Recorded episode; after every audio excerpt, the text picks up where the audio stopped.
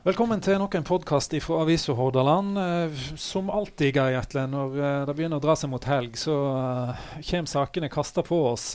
Senest i dag ei sak som kan få ganske alvorlige konsekvenser for en av de mer ikoniske tingene ved Vossabygda. Altså laksen som har svømt og glitra i elvene her i århundre, årtusen. Og som har et forvaltningsansvar for kanskje ulikt noe annet som vi har i uh, kommunen her. Nå truer de med å stenge klekkeriet, Voss klekkeri. Hva skal vi si til sånt? Vosso-laksen eh, fra Vosso og Bolstadelva den er verdenskjent. Det finnes det ikke noe elv i hele verden som har så høy gjennomsnittsvekt på laksene eh, historisk sett som dette vassdraget her. Det er helt spesielt i verdenssammenheng. Mm. Nå kommer det da eh, kraftige trusler i form av at Voss klekkeri kan bli lagt ned. Det er høyst reelt at det kan skje. Og det vil være kjempealvorlig. Så Mest sannsynlig så eh, vil det bety eh, slutten for Vossolaksen. Han lever på nåde nå. Det er i, grunnen oppdrett gjennom klekkeriet som gjør at det er noe fisk igjen i elva. Men uten de forsyningene som kommer fra klekkeriet hvert år, så er det stor fare for at eh, Vossolaksen snart er en saga blått. Han henger jo i, et, i en tunn tråd, sånn som det er nå alt. Bjørn Sandnes, du er pensjonert laksefisker og på morgenmøtet i dag når eh, den saken ble eh, nevnt, så jeg tar en, eng. Tar en, eng.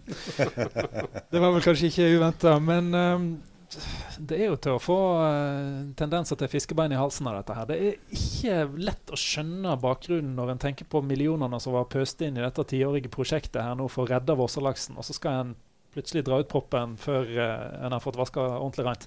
Ja, det, Vi snakker jo her faktisk om hundrevis av millioner kroner som har vært til sammen satt inn i alt forskningsarbeid og den redningsaksjonen for Vossolaksen som starta i 2010, og som skal gå ut fram til 2020. Det begrunnes jo med den eh, strategien som myndighetene har valgt nå for eh, villaksstammene i, i, Norge, nemlig at de skal klare seg sjøl. Og, og, det er jo veldig spesielt da, når man på den ene sida tillater naturinngrep av forskjellige slag, som f.eks. kraftverksproduksjon, mm. som i Vossolaksens tilfelle kan ha medført eh, betydelig eh, negativ virkning på, på, laksestammen i elva.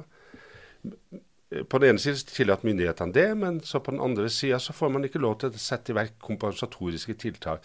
Det er nesten så, så man kan kalle eh, den strategien nærmest for en slags darwinistisk eh, tilnærming til forvaltning av laksestammen. De skal klare seg sjøl. Mm. Ja, og så er det en del skjer i sjøen, da, eller stein i elva, kan en si her, som eh, laksen skal forbi. Og du er inne på kraftnæringa her. De har betalt en slags avlat, kan jeg nærmest si, i konsesjonsvilkårene sine opp igjennom. ikke sant? Altså, De må jo være med å finansiere gildet her oppe på Ås eh, klekkeri.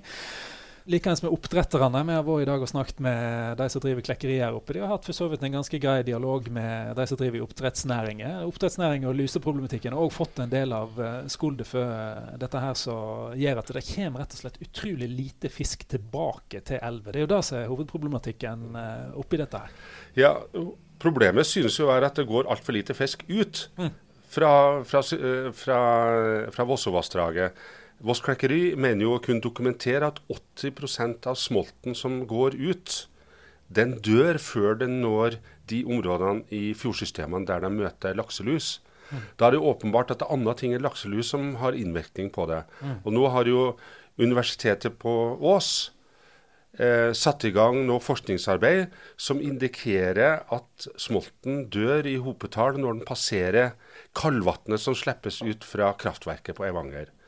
Det er jo ikke konkludert enda eh, på der, men både Klekkeriet og Vossa-ordfører eh, Hans Erik Ringkjøp ønsker jo å få utreda det, i alle fall, før man eventuelt vurderer en nedlegging av Voss Klekkeri. Og så uh, synes det veldig merkelig at myndighetene iverksetter den nye laksestrategien sin først i Vosso, som kanskje har en av de mest true laksestammene i hele Norge. Du har vært i dag i kontakt både i departement og i lokal forvaltning på fylkesnivå her. Hva, hva forsvarer dette med? Ja, Nå øh, fikk jeg snakka med statssekretær Atle Hamar i Klima- og miljødepartementet. Uh, nå vil jeg ikke hans svar så veldig konkret, fordi han ønsker jo å sette seg inn i saken grundig. Det, det, han sier da, er at uh, det skal nå da forhandles nye konsesjonsvilkår for kraftproduksjon som er knytta til Vossovassdraget, altså BKK sine konsesjonsvilkår. Og Da sier jo han at de kommer de til å vurdere alt som ligger på bordet av kunnskap og forskning når de utformer de nye konsesjonsvilkårene. Mm. Og Hvis man drar det litt etter håret, så kan man kanskje ane at, uh, at uh, de konsesjonsvilkårene som BKK har i dag, kan få en annen utforming. Om det da vil hjelpe Vossolaksen, det gjenstår selvfølgelig å se. Mm. Fylket, da? Hva sier de?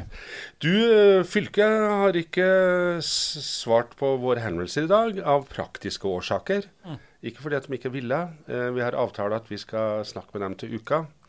Eh, det er jo Fylkesmannen, og ikke fylket da, det er Fylkesmannens miljøvernavdeling som, som, som er myndighetsorganet som klekkeriet forholder seg til. Mm. Og de setter jo i verk statens policy. De er jo statens forlenga arm ut i fylkene. Så øh, jeg tenker at når vi fikk øh, en kommentar fra statssekretæren, så det er tilstrekkelig i denne, i denne runden her, da. Men vi vi skal ikke la miljøvernavdelinga i Vestland fylke i fred i denne saka framover. Det kan jeg love. Jeg tipper dette blir en føljetong utover vinteren. Blir ikke det, Geir? For dette det er egentlig så mye større enn Voss. Du var inne på det. Dette er altså Vi har nærmest et ansvar på verdensbasis for denne laksen som altså er så unik som den er. Ja, vi, vi, har det. Dette, er en sak som vi bare må følge opp framover. Prøve å leie et, eh, et trykk på at, at saken hele tida er varm. og det, det, er en kamp som jeg syns at vi iallfall skal være med og kjempe så, så, langt som vi kan. At vi skal, vi skal gjøre vår del av, av jobben mm. eh, med tanke på, på Vossolaksen. For den er, den er, helt spesiell. Det er en kultur som har eksistert her eh, nedover i elva i, i flere århundrer. Og mm. det er jo nett kommet ut ei flott bok om eh, om fiske i Bolstadelva, Så du sikkert, ja. Da var, du har med oss å lage overganger for oss, Geir. Jeg liker dette her. For nå eh, skal vi ha Karl Ysternes, eh, forfatteren av eh, boken om historikken nede ved elva her. Vi skal ha han med oss på telefonen, for han har nemlig vært pennen sin i rettssalen denne uka. Denne saken som går om eh, odelsretten til gården på eh, Løno, den har han eh, fulgt. Og Så skal vi høre noe eh, mer da, hva han har fått ut av den turen i disse dagene som han har hatt i, i retten. Det begynte jo på mandag, mm. når, når tingrettsdommer Fundsnes setter retten på Voss, på tinghuset. Og da det var familien der, det vil si disse to brødrene. Og først så var det innledende foredrag Eh, til advokatene. Og så eh, var det da fartsforklaring til Geir og eh, Lars Lønne. Og du, du, får jo innblikk i en familie sin situasjon. Og eh, rørene de forklarer seg så godt de kan ut ifra hvordan de ser på, på, på Røynde. Og da, av og til så var det nokså ja, Jeg tenkte kanskje litt at, at det ble privat, men samtidig så gjorde de det på en verdig måte. Stort sett.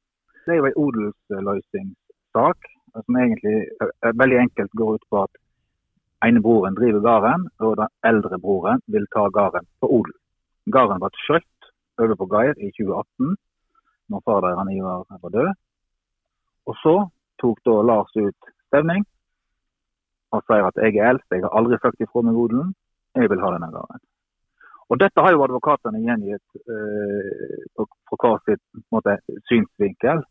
Eh, og Det handler mye om å bore i odelsloven paragraf 21 om dette med at det skal være klart urimelig at en med høyere odel tar gården ifra en som, har, som, er yngre, da, som har mindre eh, odel. kan du si. Mm. For Loven er egentlig ganske klar, bortsett fra nettopp dette her punktet da, om klart urimelig. For da eh, blir det nødvendigvis også veie ting opp mot hverandre og finne ut nettopp hva som er klart urimelig. Ja, ikke sant. Det er akkurat da. Og det er, akkurat da. Og det er da det begynner å bli litt sånn vondt. og Det er da eller det er, begynt, det er blitt vondt for lenge siden. Det er, det er en vond sak. Dette her er jo, er jo en, en, tøff sak for familien. For det er så nære bånd. De har vokst opp i lag. Og det er foreldre, og det er unger, og det er urettferdighetsspørsmål. Men det, det, det handler jo om hvor urimelig er det egentlig da at eldstemann vil ha gården? Det har jo handla mye om å bevise hvor involvert eldstemann har vært, eller ikke, i denne saken. opp gjennom året. Dette her eh, får vi svar på når det begynner å nærme seg uh, jul. Hva lei syns du da lakk, sånn som du uh, så saken? Det fælt å be deg om å spå her, men. Ja, jeg holdt på å si heldigvis så er ikke det jeg som er dommer. Jeg tror det er mange som, som mener noe i denne saken her. men jeg tror at det ikke er så helt enkelt å, å, å, å spå. Jeg tenker på utgangspunktet kanskje at eldstemann har uh, ei, ei, god sak, i den forstand at han har gjort det tydelig opp gjennom årene at han ikke vil skrive ifra seg odel. Men samtidig så har jo yngstemann tatt over. Han har tatt ansvar, han har drevet gården.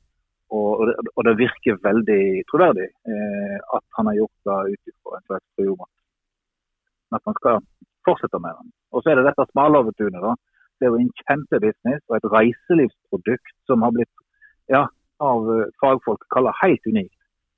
Og det er jo klart, Kanskje er det òg trua tar et utfall i denne saken. Men, eh, men jeg, vil ikke, jeg, vil ikke, spå noe som helst i denne saken. Domen, domen den skal jo komme i eh, midten av desember. Mm. Så, men så spørs det jo da om en slår seg til ro med, med den rettsrunden. Det kan jo bli flere runder. Selvsagt. Dette leste og hører først om i avisa Hordaland, eh, selvsagt. Eh, du Karl er på uh, saken. og Til laks at alle kan ingen gjøre, er ikke det de sier. Men til en glad laks da kan en i hvert fall gjøre deg, som er ute med fersk bok. Du skal ut på signeringsturné. Hvordan, hvordan er det å ha blitt forfatter igjen? Nei, det var, kjempekjekt. Og signeringsturné, det vet jeg ikke. Men vi skal ha bokslipp Eh, og boklanseringsfest på, eh, på Grendahuset på Bolstad. Og nå skal jeg hjem og ta på meg fint klær, og jeg gleder meg veldig til, til, i kveld. Og det er veldig kjekt å hva skal jeg si, ha fått fisken på land, for å bruke et uh, greit bilde.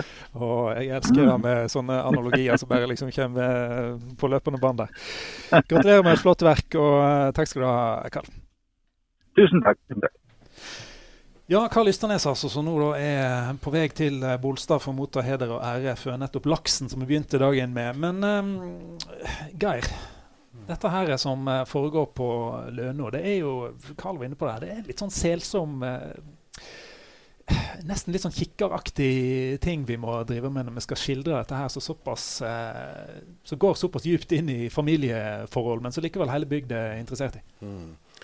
Ja, det, det, er, det, er, veldig private ting, personlige ting, men samtidig så har det ei eh, mye større offentlig interesse. Det, altså det enkleste er jo dette med odelsloven. I et samfunn, bygdesamfunn som Voss, så er dette med odelsspørsmål, overtaking av gårder, det er noe som veldig mange familier kommer borti. Med, og, og, det er slett ikke problemfritt. Vi har hatt flere andre saker på det. med og vi kjenner òg saker fra andre deler av fylket der dette med odel blir et, eh, blir et problem. Så slik sett så har det ei, ei eh, allmenn interesse. Mm. Men det som gjør denne saken helt spesiell, det er jo at, det, at Smalahove-tunet, Ivar L. Løne AS, er lokalisert på denne gården. Mm. Og og Smalahove det er jo et av det, det er noe med Voss sin identitet. Da òg, Vi snakket jo om laksen, som er noe av Voss sin identitet. Men Smalahove er minst like mye en, en sterk identitet. Og, og det gjør at eh, saken har en stor offentlig interesse. For eh, potensielt her så kan eh, produksjonen av eh, Smalahove i industriell, industriell, form, slik som vi kjenner det, det kan være trua. Mm. Vi har jo deg eh, i studio ennå, Bjørn Sandnes, som har sittet på en annen uh, kant av uh, bygda her før med reiselivshatten på uh, hodet. Altså, Smalahove som fyrverkeri nærmest for å lyse opp rundt Voss som destinasjon. Hvor viktig er det? Ja, altså... Det finnes så mange reisemål her på Vestlandet som har både fjorder og fjell og bunader og folkemusikk. Men det er nesten bare Voss som har Smalahove. Så, eh, og det gir en helt egen identitet til reisemålet Voss, som, eh, som, gjør at Voss skiller seg ut fra alle de andre flotte reisemålene eh, i, i, i vår region. Mm. Og det sammen med ekstremsporten gjør at, at at Voss har fått en helt Det ser ut annerledes enn andre reisemål, og gjør at det er enklere å, å profilere seg overfor for, folk man ønsker å få hit som, som gjester. Så det, har, det, går nesten ikke an å sette noe, verken, eh, sette noe pris eller noe tallstørrelse på hvor mye sånne ting betyr for å bygge identitet. Mm. Og, og, og, for vossingene så, så, så er det jo også Eh, hvor stolte er ikke vossingene av Smalahavet? Mm. Eh, og den stoltheten er, det, er, de eh, veldig ivrige til å formidle til folk som ikke, ikke bor på Voss. eh, og, og merket, Jeg merker jo det når, når, jeg drev med reiseliv sjøl, hvor, hvor, mye det betydde. Eh, jeg husker en gang da vi hadde et besøk fra BBC her under Ekstremsportveka. Da, da, da avslutta vi med et eh, Uh, altså, vi, eh, vi, fant ut at når den drev med ekstremsporter hel uke, kunne avslutte med litt ekstrem mat. Og, og, og, eh, og, hele BBC-delegasjonen uh, var jo da på Smalahovetunet og spiste uh, smalahove. Og det kom altså i prime time på BBC på en fredagskveld. Eh, og, og, det er klart at så, så, sånn, eh, Det lar seg ikke gjøre å sette pris på sånne ting. Sånn er det. det. er noen sånn identitetsmarkører som, som, Voss står på. som Du har Smalahove, og jeg nevnte jo ekstremsport. Og du kan også si eh, eh, Skisporten har også betydd veldig mye opp gjennom, opp gjennom årene. Du skal ikke telle på så veldig mange fingre før Nei, Smalahove kommer? Nei, du, du, du, skal ikke det. Det er klart at uh, hvis tilgangen på smalahove altså De produserer 70 000 haug, altså 140 000 måltid. Og det er jo ikke bare på Voss det smalahovene blir sendt, de blir jo sendt rundt eh, faktisk hele verden.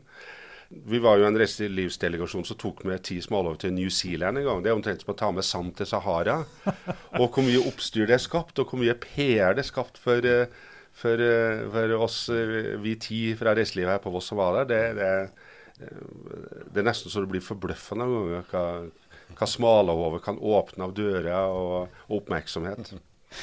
Vi får uh, satse på at det blir åpne dører med smalahove uansett hva utfall som skulle komme på uh, Løno. Uh, men altså, dommen den kommer nå før jul. Karl han uh, torde ikke å spå. Jeg syns det er nesten fælt å be deg kan spå, men det er mye rett på begge sider. sant? Altså En har en lov og en har rettferdighet, og her står det litt opp mot hverandre. Mm. Nei, det, det, er fryktelig vanskelig å, å spå i den, i den saken. Mm. Um, vil du at jeg skal gjøre det? Ja, tårer du? Nei, altså, jeg, ehm, det, det, er jo dette spørsmålet da, om det er klart urimelig at ja. Geir Lø Løne må for, forlate gården, så retten må ta stilling til. jeg, altså, jeg er jo ikke så bevandra i hvordan retten vurderer saker, men uh, jeg mener at her må en uten tvil se smalahove-produksjon som en del av gården. Dette ligger lokalisert der. der og, og, og flytte smalahove-produksjonen til en annen plass, så vil det, det vil ta årevis å bygge opp en sånn kultur som er innarbeidet i tunet, i stabburet, i serveringslokalet, i produksjonslokalet som ligger rett ved. Altså, det, det er ikke gjort på 1, 2, 3. Og skal du klare å få til det, da, så må du ha kompetanse. Eh, den kompetansen, den har Geir Løne. Samtidig så er han eh, Geir Løne han er, ikke en, han er ikke en ungdom. Men situasjonen hadde vært helt annerledes om han hadde vært 22, eller nå når han er 48. Eh, han, det er dette som har vært levebrødet hans hele livet. Mm. Eh, familien hans er etablert der. Og, så ut ifra det så mener jeg at retten da må stille seg spørsmålet om det er urimelig. Og um, altså ut fra hvordan det har utvikla seg det siste året, og, og i praksis ta le levebrødet ifra en, en, person, en familie, som er på 48 år. For bygda sitt beste så håper jeg at det her blir en løysing, sånn at det smalehovet kan produseres på Løno. Det er der det bør skje, i, det, i de lokale der dette her har vært gjort nå i eh, mangfoldige år. En snakker faktisk alt om flere tiår. Mm eh, siden Ivar L. Løne hadde en kamp rundt omkring 1990 for i det hele tatt å få lov til å fortsette produksjonen av smalahove. Da òg var det folk på sentralt hold som ville stoppe produksjonen av smalahove. For da at dette tilfredsstilte ikke krav som EU da hadde sett til matproduksjon. Eh, da Bl.a. Bjørn, Bjørn Brunborg, som da var kommuneveterinær, gjorde en fantastisk jobb med å utarbeide retningslinjer for produksjon av smalahove helt fra A til Å. Altså fra slaktinga av sauen og til dess eh, smalahove blir servert ferdig på, på bordet. For Voss en del har snakket om hva smalahove åpner av dører rundt omkring, hva det har å si, så håper jeg inderlig at eh, det blir en løsning, sånn at vi fremdeles får disse enormt gode smalahove fra Løno i framtida òg. Men så er det jo også sånn da at uh, i Norge så står jo odelsloven veldig sterkt. Sjøl om man har fått seg noen små skreller de siste årene, så, så står den fremdeles veldig sterkt. Og det mangler jo ikke på eksempel fra, eh, fra rettslige avgjørelser der eh, det retten kommer fram til, kanskje ikke korresponderer med den folkelige rettsoppfatninga. Mm. Så jeg tror det er veldig vanskelig å spå om, det, om utfallet det er. Liksom odelsloven mot eh, smalehovet her. Ja. Ja. Det blir spennende å følge med. Og uh, som sagt, folkens, uh, du hører det først i Avisa Hordaland. Uh, nå ser vi faktisk ut i da dette her blir uh, laga at det legger seg et kvitt lag snø rundt oss her. Da er det vel håp om at vi har ei hvit jul, i hvert fall, når avgjøret kommer om noen uker. Takk skal dere ha, god helg, karer.